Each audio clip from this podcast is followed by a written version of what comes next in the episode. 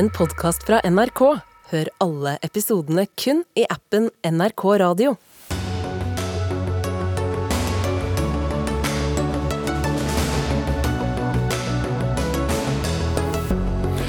Arbeiderpartiet lokalt er langt mer populært enn Arbeiderpartiet nasjonalt. Årets første kommunegallup gir pekepinn om høstens valg, og det ser kanskje ikke så ille ut for regjeringspartiene som man skulle tro. Mot ekstern gransking av skandalen rundt Follobanen. Samferdselsministeren sier han er bekymret etter møtet med jernbanetoppene i dag. Høyre skjerper egen integreringspolitikk for å unngå segregering, men klarer vi da å ta imot alle flyktninger fra Ukraina? Regjeringen får kritikk for å somle med svar til Stortinget. Den negative utviklingen er oppsiktsvekkende, sier kontrollkomiteens leder Peter Frølich fra Høyre. Ja, dette er Dagsnytt 18 tirsdag. Jeg heter Espen Aas. Vel, det er valgår, og er du opptatt av Arbeiderpartiets oppslutning på målingene om dagen? Hold deg fast, her kommer nemlig en måling som gir partiet over 23% oppslutning. Det er nemlig Norstats kommunemåling for NRK og Aftenposten. Og Forskjellen til forrige lokalvalg i 2019 er kun på halvannet prosentpoeng. Det er da en nedgang. Men hovedutfordrer Høyre er fortsatt landets største parti, som på mange andre målinger, med nærmere 27 oppslutning, og det er 6,7 prosentpoeng høyere enn forrige lokalvalg. Senterpartiet får 9,2% og det er ned 5,2 prosentpoeng fra brakvalget i 2019. Rødt går frem med 2 prosentpoeng til 5,8% Ellers er endringene små, men jeg nevner at SV får 6,8% MDG 5,6 KrF er nede på 2,9% Venstre 3,9 Frp 8, mens sekken med andre partier får 7,2 Det er noen måneder igjen, men Tora Linn Berg, politisk redaktør i avisen i Tromsø, i Tromsø. Ville Arbeiderpartiordfører Gunnar Wilhelmsen i din by da ha noe særlig lyst på å få drahjelp fra statsminister Jonas Gahr Støre når det stunder mot valg? Ja, han, Gunnar Wilhelmsen er veldig glad i å name-droppe alle ministrene han har god kontakt med i Oslo. Men det spørs om besøk fra Jonas Gahr Støre nå er det som hjelper på for, for å få velgerne til å slutte opp om Arbeiderpartiet lokalt.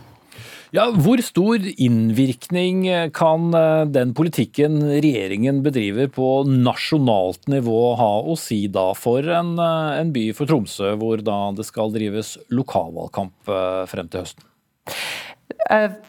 Altså, Regjeringa har jo finansiert eh, ganske mye av statsbudsjettet sitt med å, å, slakte samferdselsbudsjettet. og Det er ting som merkes eh, veldig godt eh, lokalt. og Her i Tromsø så begynner vi med bompenger i overmorgen. Eh, og, og, det har vært eh, veldig mye alo om, eh, om den bompengepakken bompengepakken og eh, en mulig kommende byvekstavtale, som, eh, som, det har vært kjempestor usikkerhet om regjeringens bidrag til.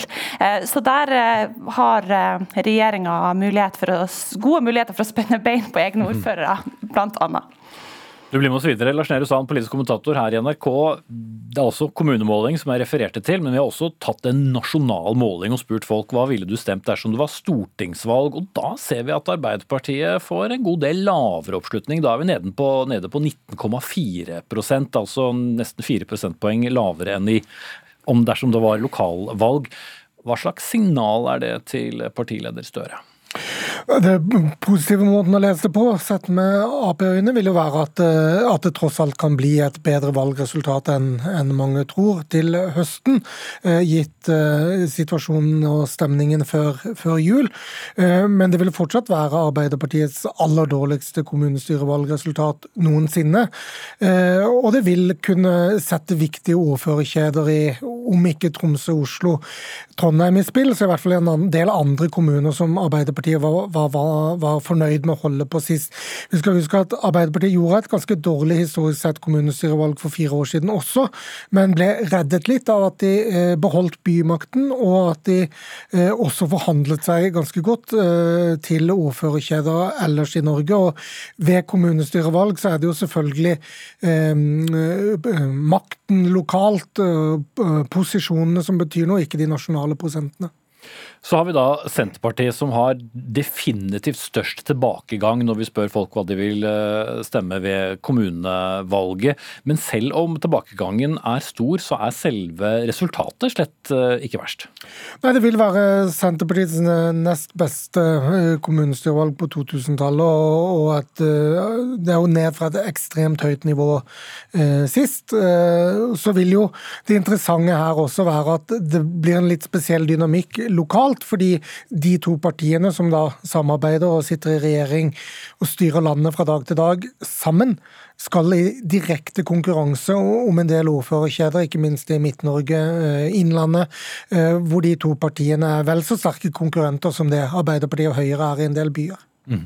Og Som Lars Nehru Sand var inne på, Tora Linn eh, Berg, så er det altså eh, kampen om storbyene som blir eh, viktig for både Høyre og, og Arbeiderpartiet her, også når det gjelder eh, Tromsø.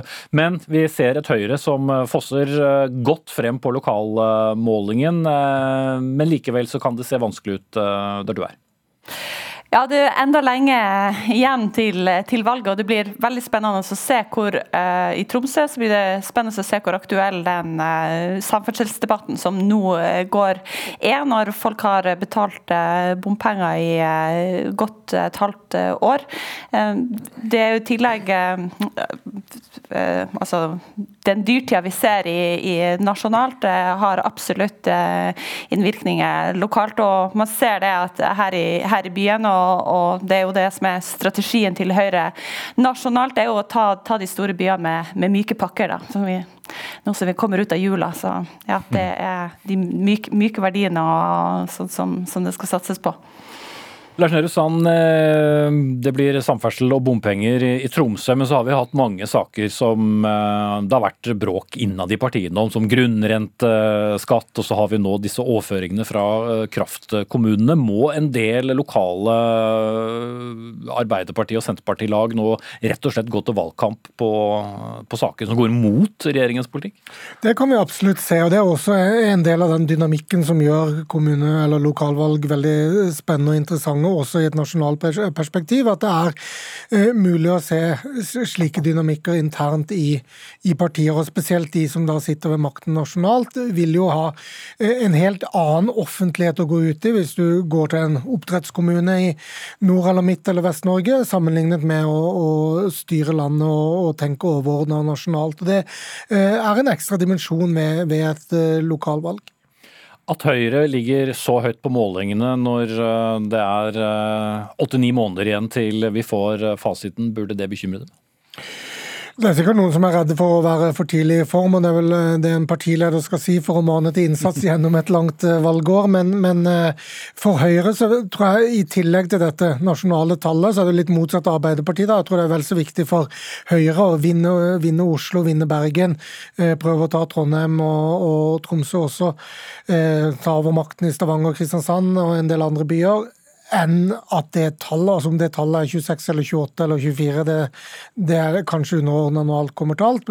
Det som jo har vært tilfellet ved en del eksempler, både Høyre i 2011 og Senterpartiet for fire år siden, det er jo at den veksten man kan se inn i et lokalvalg f.eks. da i år, baner litt vei for, for dynamikk og, og, partiets selvfølelse inn mot stortingsvalget om, om to år. Mm.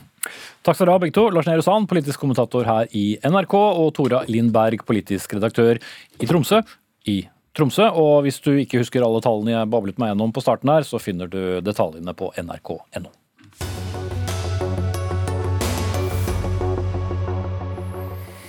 Men så skal vi til eh, det alle snakker om, i hvert fall veldig mange, nemlig samferdselsminister Jon Ivar Nygårds eh, møte med jernbanetoppen i dag. Han sier at han nå vil ha en ekstern gransking etter alle problemene med returstrøm og jording i tunnelen på Follobanen. Etter dagens eh, hastemøte er, sier han fortsatt at han er bekymret og uroet for det som har skjedd. Og det er fortsatt uvisst konkret når Follobanen kan åpne for trafikk igjen, men Bane Nor har i hvert fall sagt at det tidligst kan skje 29 januar.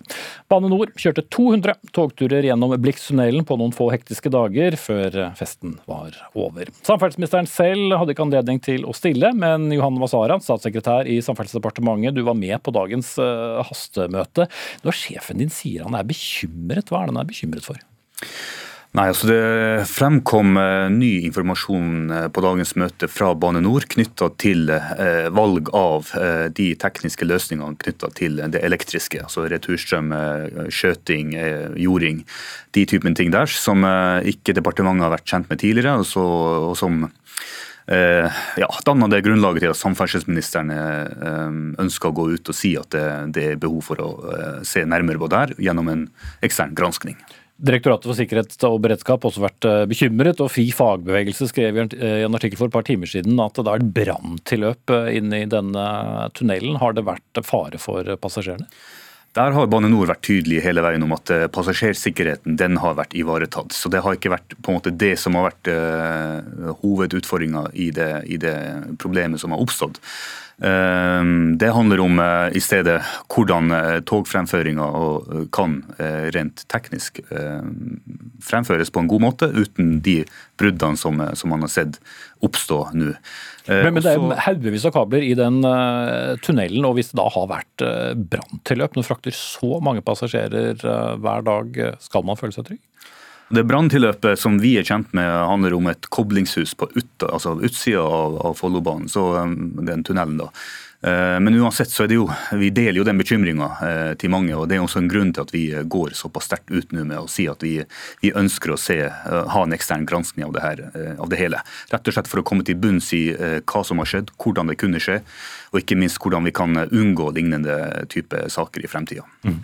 Knut Fletta, jernbanedirektør, du var også med på møtet sammen med Bane Nor og Jernbanetilsynet. Bane Nor kunne ikke være med i sendingen i dag, men det er jo direktoratet som da ga Bane Nor oppdraget var det godt gjennomført? Når eh, banen ikke fungerte som den skulle, så er det jo klart at uh, her er det forbedringspotensial.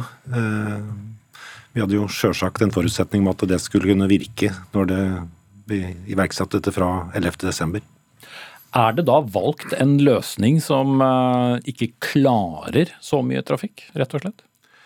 Nå vil ikke jeg spekulere i årsakene utover det Bane Nor har sagt i dag. Eh, de har pekt på kabelskjøter, de har pekt på det som handler om returstrøm og jording av det, som eh, to ting som eh, de nå jobber med å få utbedret.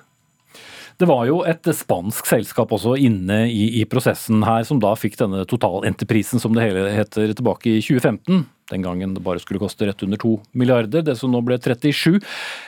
Hva skjedde der? Der gikk jo et selskap konkurs, og det ble jo en, en eh, endring i etterkant ved at eh, kostnadene for prosjektet ble justert eh, opp. Og det ble jo også en justering av tidsrammen for når prosjektet kunne gjennomføres som en følge av den konkursen som skjedde da. Mm. Men forsikringene da fra Bane Nor var at dette skulle gå helt fint, selv om det altså ble atskillig mye dyrere? En har jo nå jobbet ut fra at dette skulle være ferdig til i det oppdraget vi har fra Jernbanedirektoratet til Bane Nor, så har jo det vært ut fra en ferdigstillelse av Blixtunnelen og Follobanen eh, til eh, desember 2022. Mm. Jan Moberg, ansvarlig redaktør i Teknisk Ukeblad. Vi hørte deg i radioen i morges i Nyhetsmorgen eh, hvor du sa at problemet kunne være returstrømmen som oppstår da når togene bremser. Så viser det seg gjennom dagen at svikten er større enn som så. Hvordan leser du opplysningene som nå har kommet frem etter dag? Nei, det er helt riktig. Dette dreier seg om mye mer.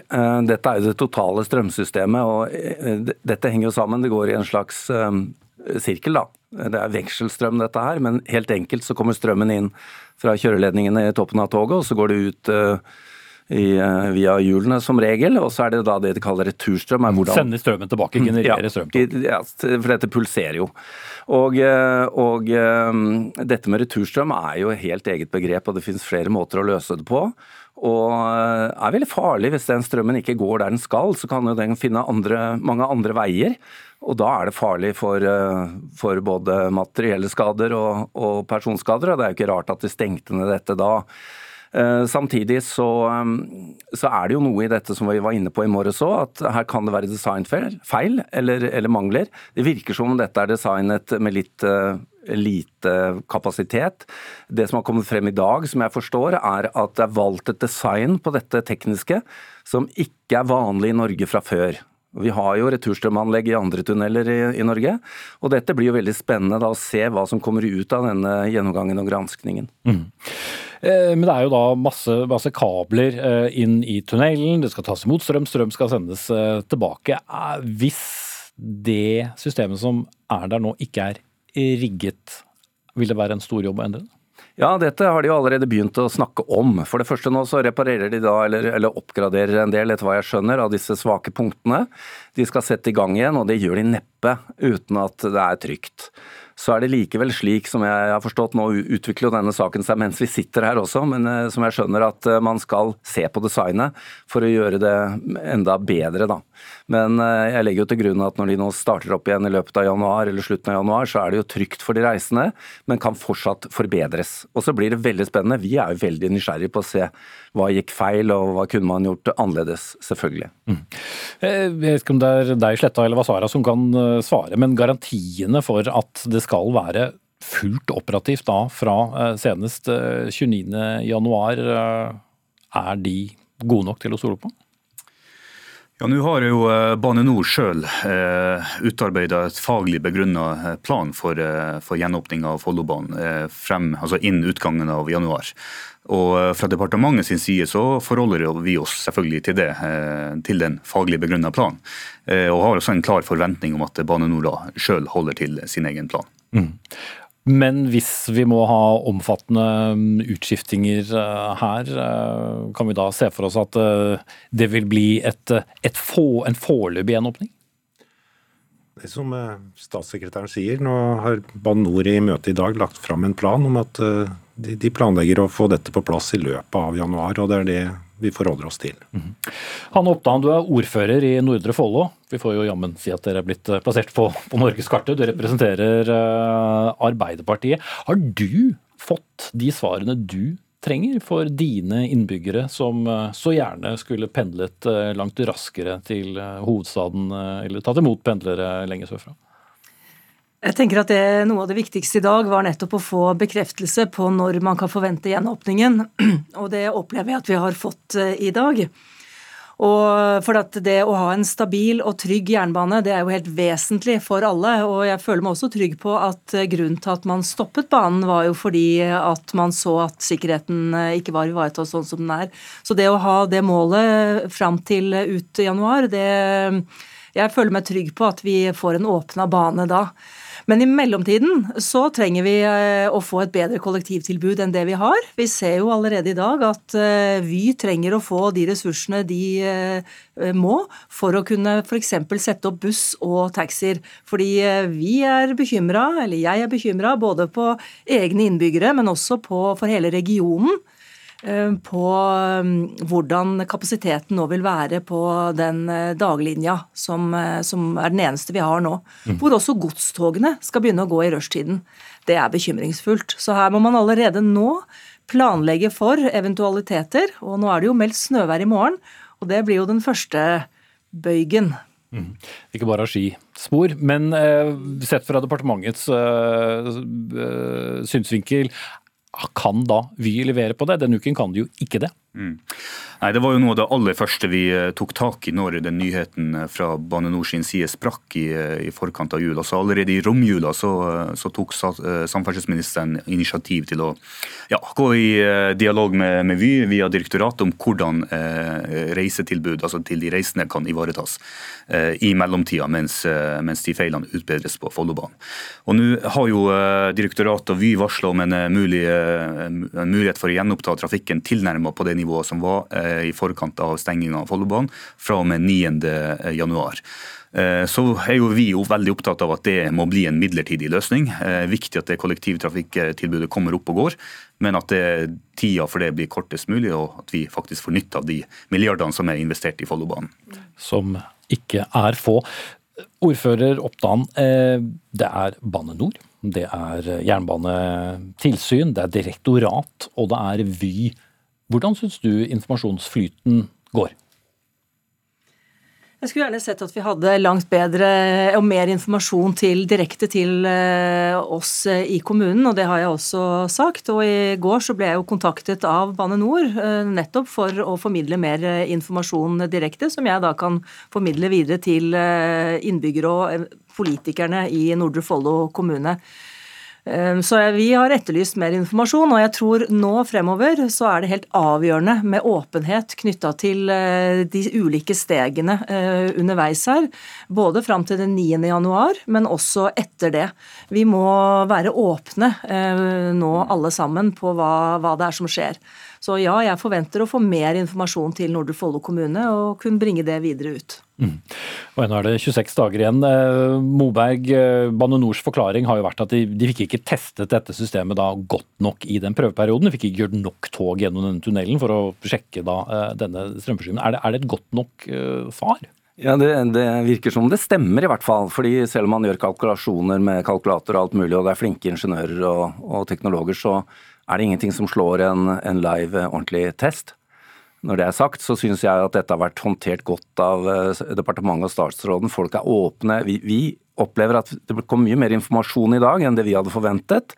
Så her er jo grunn til å være egentlig optimist på at dette løser seg, da. Ja, Kjørte du tog eller bil eh, for å komme til studio fra Nordre Follo i dag, ordfører? Akkurat i dag så har jeg tatt bilen til Kolbotn og sikret meg å få være med derfra med tog til, til Oslo S. Mm. Så jeg gjorde begge deler. Men jeg tok ikke sjansen på Ski stasjon. Det gjorde jeg ikke. Nei.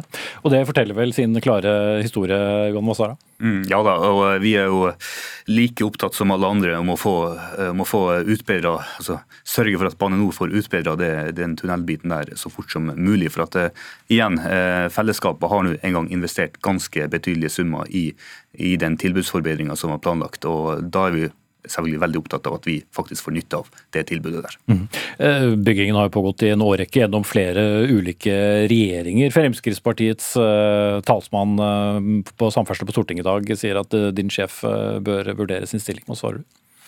Nei, altså, I dag har vi vært opptatt av å komme til bunns i hva som har skjedd.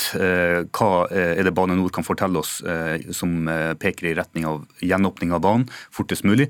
Eh, og så er fokuset vårt der i dag. Eh, så får alt det andre eh, etterspillet da tas når den tid er moden for det. Mm. Men det bør komme et etterspill? Ja, Det er i hvert fall eh, grunn til å se nærmere på eh, hvorfor og hvordan dette kunne skje. Eh, og Det er jo nettopp det statsråden legger i, i den eksterne granskinga som vi har varsla nå. For det, det, er ikke godt nok at et så flunke nytt tilbud ikke er oppe og går når det skal være oppe og gå. Jernbanedirektør Knut Sletta, har Bane NOR din fulle tillit nå? Jeg har tillit til at Bane NOR nå gjør det de kan for å få dette på plass i løpet av januar. Men det blir fint med en gransking og se litt bakover? Tror jeg Når den typen ting har skjedd, så tenker jeg det er veldig greit å evaluere og se litt hva er det som har skjedd. Hva er det vi kan lære av det som eh, vi nå har erfart. Det tror jeg er veldig nyttig. Ok. Setter vi strek der. Eh, Knut Sletta, jernbanedirektør. Jan Moberg, ansvarlig redaktør i Teknisk Ukeblad. Johan Wasara, statssekretær i Samferdselsdepartementet fra Arbeiderpartiet. Og Hanne Oppdan, ordfører i Nordre Follo.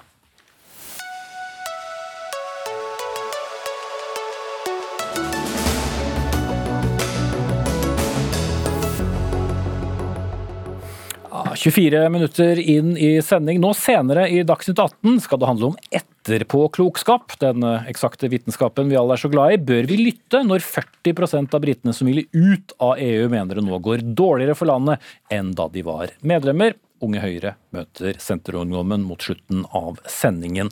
Men nå, Norge må gjøre mer for å hindre opphopning av levekårsproblemer og segregering. Ja, det sa Høyre i dag.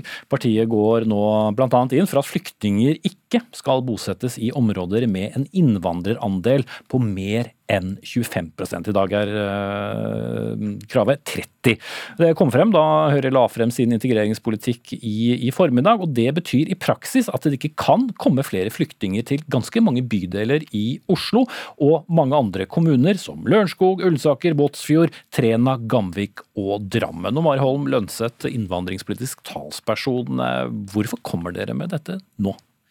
Det er fordi at det er veldig mye som har gått bra med integreringa i Norge, men samtidig vet vi at det er noen store utfordringer som vi står foran.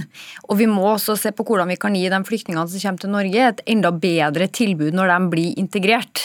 Og Derfor så er jo en av de tiltakene vi nå ser på, er jo for å gi en raskere, bedre bosetting, hvor man raskere kan få et norsk nettverk og komme seg ut i jobb, at man velger å bosette dem i områder hvor det ikke er så høy innvandrerandel som vi gjør i dag. Mm. Men hva er innvandrerandel? Er det svensker, er det dansker, er det ukrainere? Når vi har regna innvandrerandel her, så er det alle som er innvandrere. Så man regner også mange ulike landbruksgrunner. Men årsaken til at man også velger å se på dem innvandrerandel, er at vi dessverre ser at det til en viss viss grad også en viss sammenheng mellom opphopning av levekårsutfordringer, også at det er mange som f.eks. bor trangt, færre som er i egen bolig, færre som er i arbeid og mange som har lavere inntekt.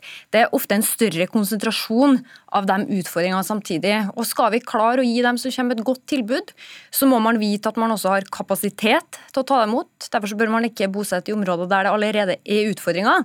Og For de områdene som har utfordringer, så bør vi jo heller sette inn andre tiltak, fremfor å også eh, flytte flere flyktninger dit. Måtte dere ha åtte år i regjering før dere kom på denne ideen? Jeg mener at vi gjorde veldig mye bra for å bedre integreringa i Norge da vi satt i regjering. Blant annet ble det jo gjennomført en helhetlig Jo, men denne tanken kom først etterpå. Nei, Vi innførte jo flere krav for å få en mer treffsikker og sikker bosetting. Blant annet så stilte vi jo krav om at man ikke skulle bosette, altså bosette flyktninger i områder med store levekårsutfordringer, og heller ikke der det var en høyere innvandrerandel enn 30 men en av de tingene vi også gjorde, var jo å nedsette et bo- og levekårsutvalg. Eh, og De viser jo også at i 44 av 88, altså halvparten av bydelene og områdene de har sett på, så er det en innvandrerdel på 25% eller mer. Og Derfor så mener jeg også at det er grunnlag nå for å ta enda mer tak, også for å sikre at vi får en enda bedre integrering av dem som kommer til Norge utvalg der, altså. Lene Vågslid, leder kommunal- og forvaltningskomiteen på Stortinget fra, fra, Arbeiderpartiet. Da vi snakket med deg før sending, sa du at du vil ikke avvise Høyres forslag, men eh, er det noe du tenker er klok politikk eh, der vi er nå? I en normalsituasjon så mener jeg en ikke bør avvise slike forslag som Høyre kommer med i dag.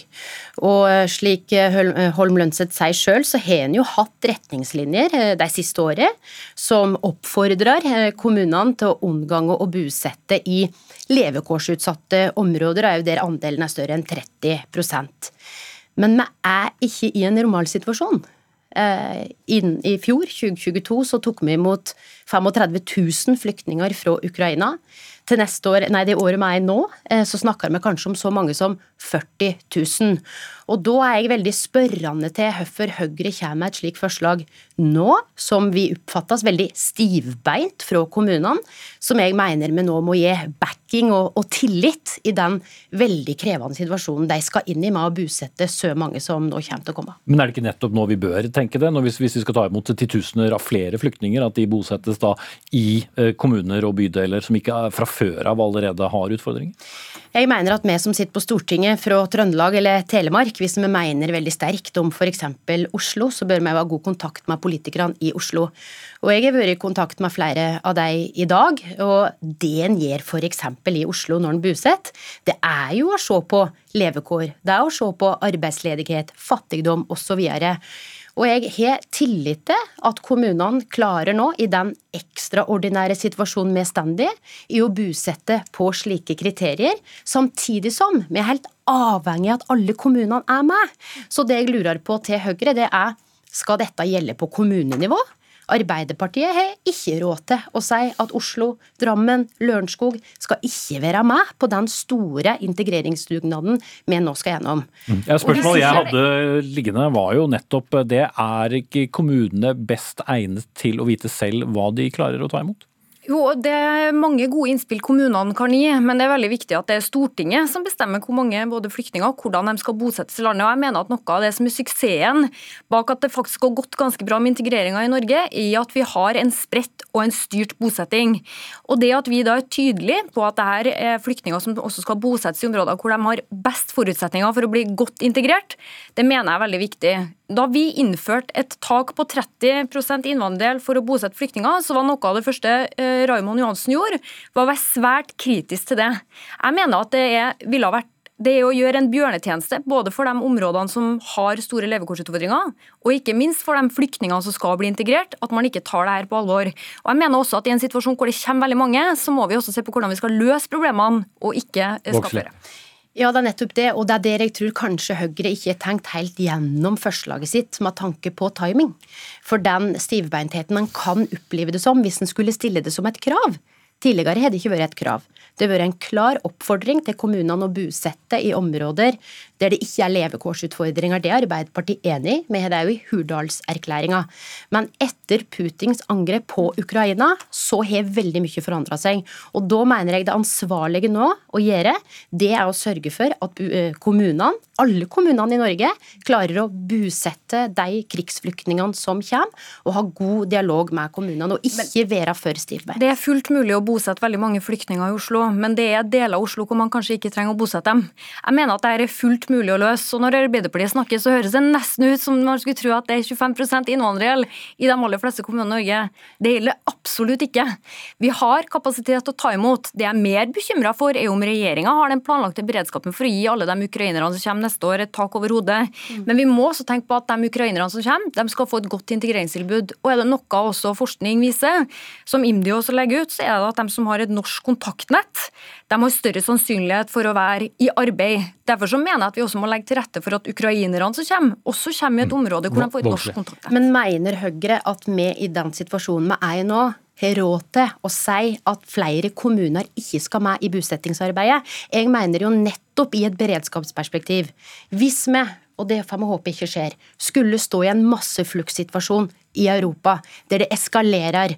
Da mener jeg det er viktig at vi har fleksibilitet og ikke stivbeinte løsninger. La Ville du da sagt nei, ja, Vågslid lager et helt eh, skremmebilde av det forslaget. Man vil ikke komme i den situasjonen hvor vi har en så høy innvandrerandel at det er et problem. Der handler det om å ta tak i de områdene hvor det er store levekårsutfordringer.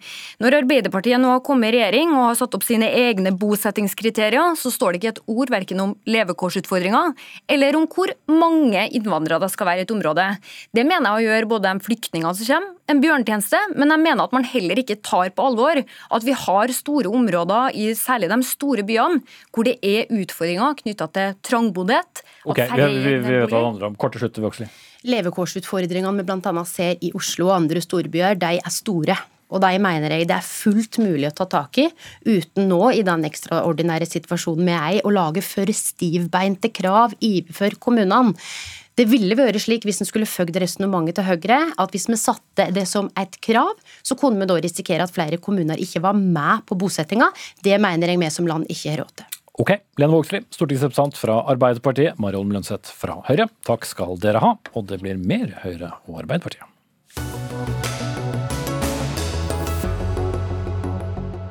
For eh, regjeringen eh, får kritikk, det får den stadig vekk, men nå for å somle med svar til eh, Stortinget. Det kunne vi lese i Dagens Næringsliv. Noen frister har flere av statsrådene til statsminister Jonas Gahr Støre problemer med å overholde.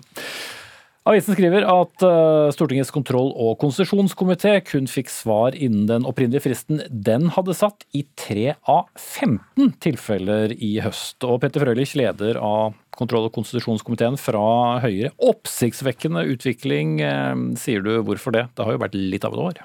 Det har vært litt av et år, men regjeringen er på god vei til å sette rekord i antall fristbrudd til Stortinget. Og vår komité er jo spesielt hardt rammet.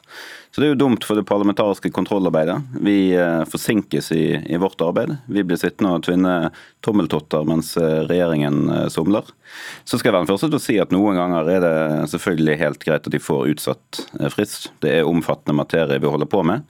Men andre ganger har vi jo sett eksempler på at de bare roter bort brev, eller rene forglemmelser. Eh, og, eller at de rett og slett bare ber om utsettelser, gjerne en ekstra uke, og likevel leverer syltynn suppe til komiteen, og det holder ikke. Syltynn suppe. Lubna Jaffrey, første nestleder i samme komité fra regjeringspartiet Arbeiderpartiet. Hvorfor, eh, hvorfor er det sånn? Først og fremst er jeg helt enig i Peter Frølich at uh, regjeringen skal levere innen fristen. Så der er det ingen uenighet mellom meg og Peter. Men det skjer ikke? Nei, men sånn, så er det slik. Det, det, er liksom to ting som er viktig i den parlamentariske kontrollen som kontroll- og konstitusjonskomiteen driver på med. Det ene er at eh, når vi spør, så skal regjeringen svare, og da må de holde fristen. Fordi det handler om at vi skal være effektive og ha framdrift i de sakene som vi har.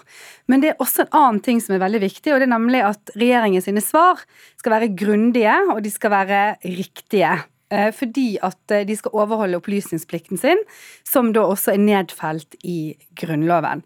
Og da er det også slik at eh, Stortinget og komiteen har åpnet opp for at man kan be om utsatt frist. Jeg mener at hovedregel skal være at man svarer innen fristen, men av og til så kan det være grunner for at man trenger litt bedre tid til å svare på det. Men så hevder du at du får ikke noe bedre svar av den grunn?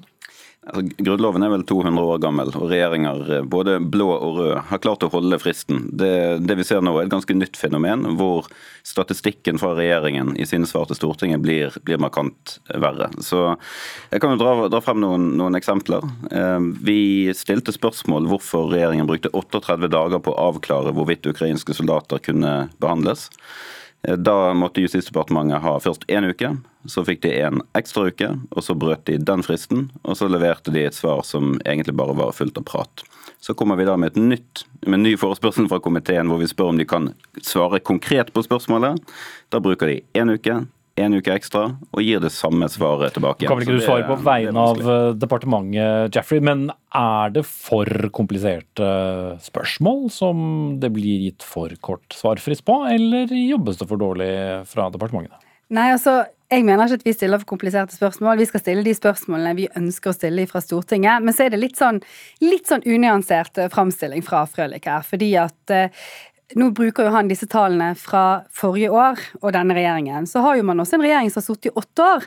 Og de har også pleier å bli minnet på det. Ja, men, altså, sånn, men det poenget er liksom sånn Man må jo ha et sammenligningsgrunnlag, så la oss være litt reale, da. Sant? Fordi at det er slik at I to av tre undersøkelsessaker den forrige regjeringen ble stilt spørsmål i, der svarte man for seint. Da kan jeg gi dere et par eksempler. Campus Nesna, saken om Per Sandbergs tur til Iran med statsrådstelefon, eller da eh, Angola og Equinor sine investeringer der. Der svarte ikke regjeringen innenfor fristen. Så er det helt enig at det er ikke bra når svar blir liggende. Altså Det har skjedd eksempel ved en inkurie, så ble noe liggende, og det skal ikke skje. Og der er vi helt enige. Og så er det en siste ting som jeg trenger å si, og det er det at, det at Peter Frølich fra Høyre ikke er fornøyd med regjeringens svar, det er kanskje ikke så veldig overraskende. Eh, man er ikke glad i den regjeringen, man ønsker ikke at den regjeringen skal sitte. Eh, og jeg tror heller ikke nødvendigvis at Arbeiderpartiet alltid var like fornøyd med svarene som den forrige regjeringen kom med til kontroll- og konstitusjonskomiteen. Jeg har understreket i intervjuet med Dagens Næringsliv at dette faktisk ikke er noe sånn opposisjonsutspill eller noe sånn billig angrep på regjeringen. Jeg er faktisk ikke så veldig interessert i å sitte og, liksom klage på om det er noen fristbrudd her og der. Dette er faktisk en bekymring som går litt bredere enn vårt daglige arbeid i komiteen. Dette er noe som flere stortingsrepresentanter melder tilbake om, flere komiteer melder tilbake om. Det er blitt et tema i presidentskapet at regjeringen verken svarer tidsnok eller godt nok. Altså Det er veldig mye prat og veldig, eh, ofte veldig lite konkrete svar på de spørsmålene vi stiller. Men, men, er det så mye verre enn eh, hvordan det var i de berømmelige foregående åtte årene, da kontroll- og konstitusjonskomiteen var veldig aktiv da også? Det var vi. Vi fikk eh, statistikk eh, for en time eller to siden som viste at fristbruddene har økt med nå er ikke veldig god hoderegning, men et sted mellom 20 og 25% Så det er en markant negativ utvikling som eh, bør snus. Og jeg er helt enig. Altså, eh, så dette er egentlig ikke en stor sak eh, som på en måte vi trenger å bruke mye tid på å diskutere. Vi er enig i at eh, fristbrudd eh, ikke bør skje. Regjeringen bør svare som hovedregel innenfor den fristen som er satt. Men det er klart at vi også så vi må diskutere kontroll- og konstitusjonskomiteen. Det er der vi to sitter, og vi to representerer først og fremst. Og så er vi en, vi er jo en litt spesiell komité på mange måter. Veldig mange bergensere der, men det er også andre ting. Det er det at Det er ikke det største problemet. Nei, kanskje ikke. Men det som er saken, er at vi ser jo tilbake i tid. Eh, vi skal gjøre kontroll tilbakevirkende, i tilbakevirkende tid. Og da er det sånn at Selvfølgelig skal de svare på de spørsmålene, men om vi får svaret på en onsdag eller en eh, fredag, det er kanskje ikke avgjørende for om vi klarer å gjennomføre kontrollen vår på skikkelig vis. Jeg tror vi to, Peter, og komiteen er helt enig i at regjeringen skal følge de fristene som vi setter. Og det har jeg også gitt beskjed om. Og eh, jeg tror at regjeringen tar tegningen også i den uttalelsen de har i ideen. Mm, nå gikk vi fra etternavn til fornavn her, så nå ble det riktig så hyggelig. Men uh, er du i overkant uh, pirkete, Frølich? Nei, jeg mener ikke det. Jeg, har sittet over flere måneder og egentlig tenkt disse tankene, tatt det opp internt, forsøkt å få bedring, og så har det ikke vært godt nok. og Da tenker jeg det er greit å si fra. Så jeg er enig med Lubna også at det viktigste alltid er å få riktig og korrekt innhold. men fremdrift for Stortinget, når vi holder vår eh, parlamentariske kontroll i sving, den, den, må være der. Og dette tror jeg dere som journalister også vet, at når, hvis det drar ut med å få svar på spørsmål, så, eh, så er det vanskelig å forholde seg til. Så eh, det er generelt greit hvis folk svarer korrekt og riktig, og, og på den fristen som settes. Mm. Det var jo i grunnen veldig fint, for jeg hadde tenkt å takke dere av. Petter Frølich, leder av kontroll- og konstitusjonskomiteen fra Høyre, og Lubna Jaffrey, første nestleder fra Arbeiderpartiet.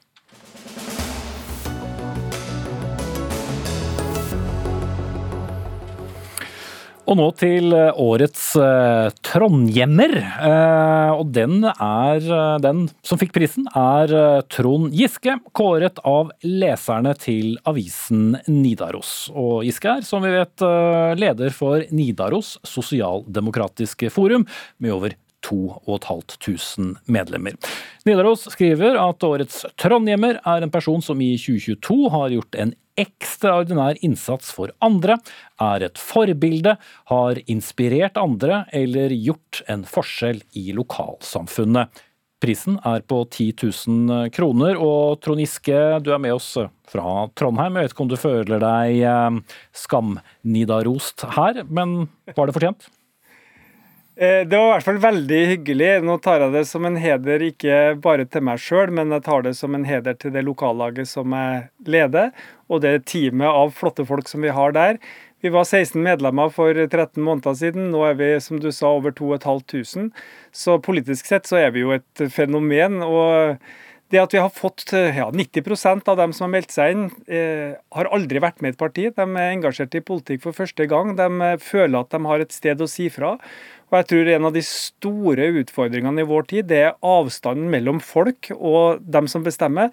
Og den avstanden prøver vi å gjøre litt mindre. Så det er hyggelig med den, den oppmerksomheten og det klappet på skuldra til alle oss. Men å bli årets trondhjemmer fordi man klarer å drive politikk og få mange medlemmer i et eh, partilag, så du den komme? Nei, det var litt overraskende. Jeg har jo drevet med politikk eh, på heltid da, i, i, nesten 30 år. Da var det ikke så mange priser, men nå er jeg frivillig. Det her skjer på grasrotplan. Jeg har ikke en krone i lønn fra noe politisk sted. Eh, og det tror jeg er litt av oppskriften. At det er grasrotarbeid. At det er artig og at det er interessant, og at vi tar opp de store temaene. Vi har jo sagt at vi skal ikke liksom inn i enkelte reguleringssaker og alle slike ting. Vi skal diskutere de store spørsmålene, og så skal vi være veldig godt basert på de gode sosialdemokratiske verdiene. Jeg tror folk savner enda sterkere styring, tydelige fellesskapsverdier. Eh, det samfunnet som vi har bygd i Norge, at ikke det skal forvitre. Det tror jeg er en av appellene som vi har. For det står vi far for nå? Ja, jeg tror veldig mange opplever en utrygghet som kanskje de ikke har kjent på på veldig mange år. Jeg har jo ringt til over 1200 av medlemmene. Jeg lovte jo da vi var 50 at jeg skulle ringe alle nye. Eh, det var jo et dristig løfte når vi da blitt 2500, men halvparten av dem er ringt. Og det er veldig mange som har det bra, men det er også veldig mange som er bekymra for at pensjonen ikke strekker til når alle priser går opp. Eh, folk som er bekymra for at Nav ikke hjelper okay, Vi må tilbake til, til, prisen. Vi tar poenget der, eh, Trond Giske. Ja. Stig Jacobsen, du er da ansvarlig redaktør og daglig leder for Nidaros. Eh, hva slags andre var det Giske konkurrerte om denne prisen med? Eh, nei, altså de typiske nominerte vil jo alltid være folk som har gjort veldedig arbeid som har gagna mange. Store ID-selter eller noen som har eh, opptrådt aktverdig i forbindelse med ulykke eller lignende. Så, sånn sett så stikker jo Trond Giske seg, eller han skiller seg ganske ut fra det normale utvalget. Var du overrasket? Eh, jeg var litt overraska. Altså, det er jo viktig å understreke at årets trondhjemmer er i leseravstemning, og ikke noe redaksjon i Nidaros har kommet frem til. Rundt 1000 har stemt, og det er da en tiendedel av det vi har av abonnenter. Og Trond Giske fikk klart flertall. Han var også den som var nominert flest gang av leserne. så Heller ikke det var resultatet av noen redaksjonell prosess. Ehm, det har jo vært en del oppmerksomhet tror... rundt hvorvidt man måtte bo i Trondheim for å være medlem av hans lag. Måtte man være bosatt i Trondheim, for, eller Trondheim som det heter nå, for å stemme?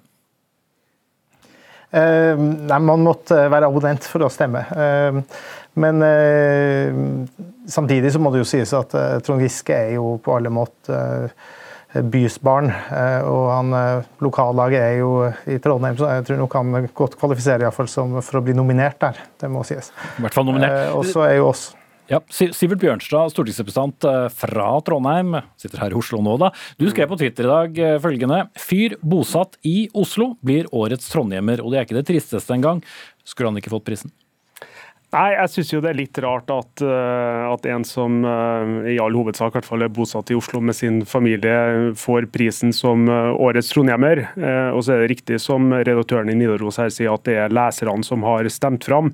Men det er jo Nidaros som har plukka ut fem kandidater som, som, skal være innstilt til å bli årets trondhjemmer, så jeg tror nok de må ta en del av skylda her. Og fire av de fem er jo veldig gode, verdige eh, alternativ, og hadde vært også gode vinnere. og Så vidt jeg vet, så er alle de bosatt i, i Trondheim. Men jeg synes jo med den eh, innledninga som programlederen hadde, med at eh, årets trondheimer skal ha gjort en ekstraordinær innsats for andre, er et forbilde, har inspirert andre og gjort en forskjell i lokalsamfunnet, så mener jeg jo det hadde vært mulig å finne en annen femtekandidat som hadde passa bedre til, til den teksten enn hva Trond Giske gjør.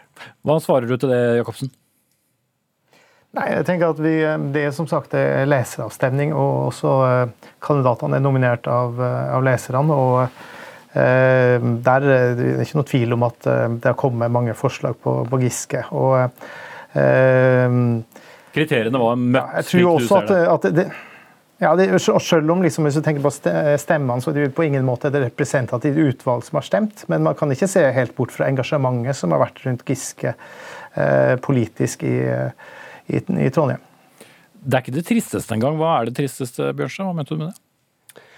Nei, jeg tenker jo på alle de hverdagsheltene vi har i Trondheim, som uh, står opp om morgenen og gjør en innsats for, for byens befolkning hver eneste dag på ulike måter. Uh, og når da den femte kandidaten er, er noen som jeg ikke mener passer perfekt inn i den kategorien, så skjønner jeg at det er noen som uh, ellers rundt omkring i byen er, er skuffa. Og så mener jeg det må gå an å skille mellom den åpenbart gode jobben Trond Giske har gjort i, i, forumet sitt det siste året, og han har tatt eh, sitt eget parti og regjeringa midt imot, eh, med rette flere ganger. Men jeg syns ikke at det automatisk skal eh, eh, kunne utløse noen nominasjon til, til årets trondhjemmer. Det må gå an å skille de to tingene, tror jeg. Du skal få lov til å svare på denne salven selv, Trond Giske. Det er jo ikke så veldig overraskende at Eh, en av FrPs eh, fremste politikere på Stortinget syns at det er fryktelig dumt at et eh, parti basert på de sosialdemokratiske verdiene og en leder der av leserne både blir nominert og blir valgt. Eh, og jeg er jo helt enig i at det finnes masse hverdagshelter. Vi eh, fikk jo også med prisen 10 000 kroner. Den kommer vi til å gi bort til et veldedig formål. Vi skal ikke ha de pengene sjøl. Eh, det var nominerte fra Matsentralen i Trondheim, det var nominerte fra andre. Det finnes masse flinke folk her i Trondheim, og Sivert som befinner seg i Oslo nå det meste av uka. Jeg befinner meg i Trondheim det meste av uka. Jeg studerer her, jeg bor her, jeg har vokst opp her, jeg har vært folkeregistrert her i 50 år. Men du bor med familien i hovedstaden?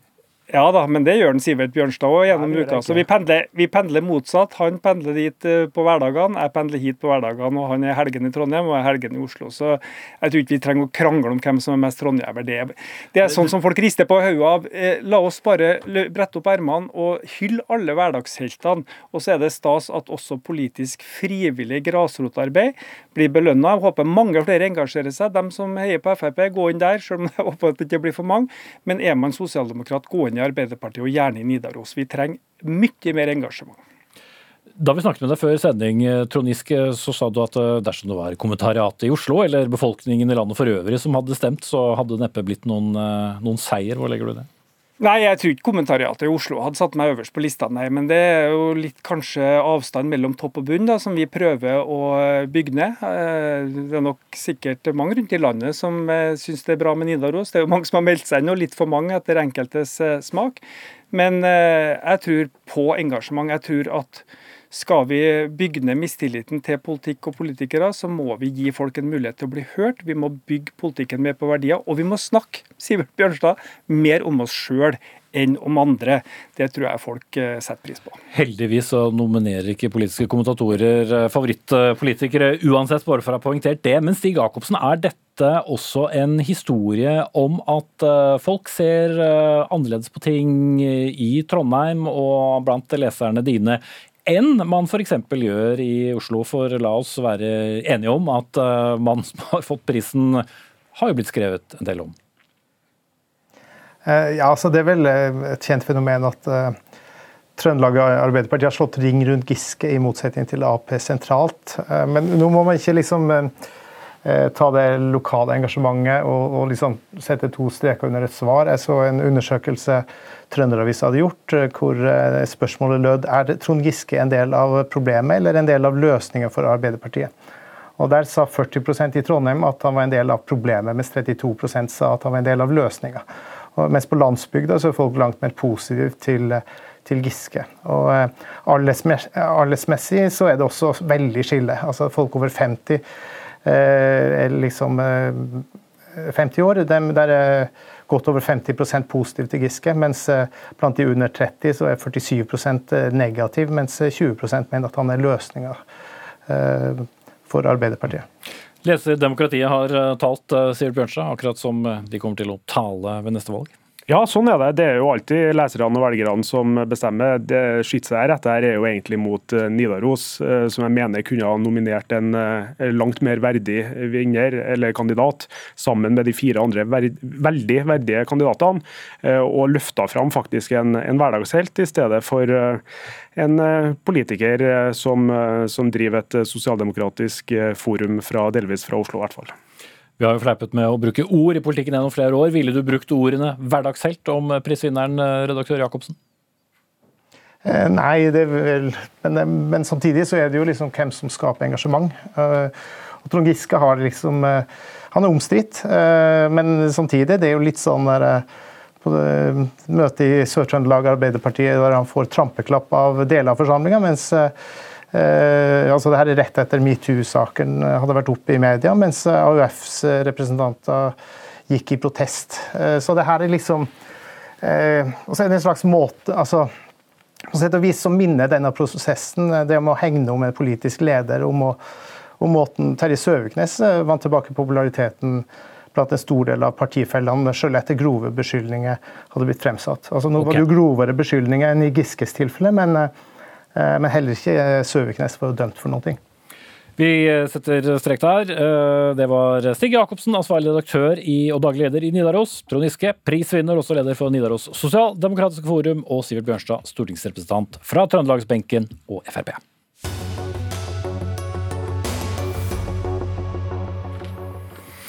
Ja, Etterpåklokskap eh, kalles ofte for den perfekte vitenskap, med glimt i øyet. Er det nå egentlig det? Julaften viste iallfall en undersøkelse gjort av byrået YouGov for den britiske konservative avisen The Times at 40 40% av dem som stemte for brexit, altså løsrivelse fra EU, at det nå gikk dårligere med Storbritannia enn da landet var del av EU. Kun en tredel av de som hadde stemt for eh, skilsmisse, mente at den var vellykket. Og Ola Svenneby, leder av Unge Høyre, dette mente du kjapt var et lærestykke for de som eh, svermer for eh, at Norge skal kvitte seg med, EØS-avtalen. Er det så sammenlignbart? Ja, jeg syns jo egentlig det. Altså, for det første så var jo mange av de løftene som, som brexit-siden i valgkampen ga, veldig mange, veldig påfallende like som norske nei til EØS eller nei til EU-siden gir. At man skal forholde seg til Europa, man vil bare ha en annen avtale, eller at arbeidsinnvandring kommer til å løse seg, eller tollmurer, det kommer til å løse seg. Og så ser man nå at ingen av de lovnadene som brexit-siden ga, har blitt oppfylt. Og For Norges del så er det alltid viktig å se på hvordan andre land klarer seg, og hva, hva, hva vi kan lære av av dem, særlig nå når man har en regjering med Arbeiderpartiet og Senterpartiet, som har satt ned et utvalg som vil se på andre alternativer til EØS-avtalen. Og det er ikke egentlig så mange andre alternativer, bortsett fra fullt medlemskap, som man har utelukket, eller da gå for en slags norsk brexit, da, hvor man skal melde seg ut av EØS-avtalen. og Det vil jeg jo i så fall advare mot, for da mener jeg at man har litt mer tydelige, tydelige eksempler på hva slags konsekvenser det kan gi. Da vender vi til deg, nestleder i Senterungdommen, Ibrahim Ali. Var det en suksesshistorie, denne utmeldelsen så langt? Altså, Dette her er jo en meningsmåling, og jeg tenker at denne meningsmålingen fanger et eh, øyeblikksbilde. Og det er jo ikke mulig å slå fast at brexit var en tabbe basert på denne meningsmålingen. Altså, Storbritannia, på lik linje med mange andre land, legger bak seg flere år med store utfordringer. Det starta med pandemien rett etter at de meldte seg ut. Etterfulgt av inflasjon, kostnadsvekst og energikrise, og på toppen av det krig. Så jeg syns det er vanskelig å skille mellom alle de faktorene og brexit i seg selv. Og så hørte jeg på radioen i dag at uh, i en reportasje NRK hadde laget, så snakka de med en brexit-velger som var misfornøyd i dag, men som sa at uh, hun kobla det også til en energikrise, krig og pandemi. Og ville derfor ha litt tålmodighet. Og der jeg anbefaler at Ola Sønneby også belager seg litt på når han skal bedømme brexit. Historikken er jo som den er de siste årene, da, Sønneby. Både 2020, og 2021 og 2022. Mm. Ja, det er helt sikkert mange årsaker man kan, man kan peke på, men jeg mener jo at altså, utgangspunktet for det jeg mener, er ikke én meningsmåling som er tatt opp, på, tatt opp på julaften. Og jeg mener jo også at norske politikere, og særlig de som ønsker at Norge skal reforhandle avtaler med EU, som ønsker at man skal distansere seg fra EU, også blir litt svar skyldig, uavhengig av hva befolkningen i Storbritannia mener, men basert på hvordan man ser med egne øyne hvordan ting faktisk går. Man har ikke oppfylt at man kan bruke mer penger på helsevesenet, f.eks., slik man lovet i valgkampen. Man har ikke opplevd opp, oppfylt løftet om, om mer eh, internasjonal handel. Man har ikke oppfylt løftene om noen som helst ting. og I dag så var det vel et eksempel på at briter f.eks. måtte stå tre timer i kø for å komme seg inn i Berlin, bare for å ta ett vilkårlig eksempel. Og Da mener jeg kanskje at de som kjemper for samme type utvikling i Norge, også burde ta inn over seg hvordan det går med Storbritannia. For det er ikke sånn at vi kan forholde oss til EU som en buffé og velge å vrake det vi liker eller ikke liker. Man må se på de reelle alternativene man har, og et av dem er en typisk britisk modell for Norges del. Som David Cameron berømmelig sa før folkeavstemning, det er ikke en buffé. Men, men, Ali, du vil kanskje ikke bruke nettopp Storbritannia som det beste argumentet for en reforhandling eller eventuelt en skroting av EØS-avtalen? Nei, og det handler jo først og fremst om at eh, Storbritannia var medlem i EU. Så de måtte først ut av EU og så forhandle fram en avtale, og risikere kanskje ikke å få en avtale. Imens Norge ikke er EU-medlem, de har en EØS-avtale. Vi ønsker en annen avtale, som også skal selvfølgelig bygge på handel og samarbeid, men ikke den suverenitetsavståelsen som innebærer med EØS-avtalen. Og så tenker jeg at Den kritikken vi har mot EØS-avtalen, står like godt. og Det var jo veldig mye spådommer om at det skulle være industridød, kapitalflukt og endeløse køer overalt og full stans i økonomien blant de som var mot brexit. Men det var to tilfeller, folkeavstemning først, og så et klart flertall for å forlate EU i valget i 2019, som ligger bak brexit. Og det tenker jeg har en ganske klar og tydelig demokratisk forankring. Jeg er helt enig i at det var demokratisk forankring, bare for å ha sagt det, men jeg forholder meg fortsatt eh, hva skal jeg si, retten til å mene at flertallet tok feil, og at det var en, var en dårlig idé, i hvert fall sett med, et, eh, sett med nåtidens blikk. Eh, og igjen, så, så man, man, kan ikke forholde seg til EU på en måte, eller andre handelspartnere, som om det er en buffé, og det er det egentlig Senterungdommen gjør nå. Fordi Når man skal se på andre alternativer til EØS-avtalen, så er ikke Norge i en posisjon til å kunne diktere EU hva vi vil ha og hva vil ikke ha. Der er det en ferdig meny, og en av de alternativene er brexit. Et annet alternativ er å bli et kandidatland, slik som Moldova og Ukraina, med mål om å bli medlem av EU.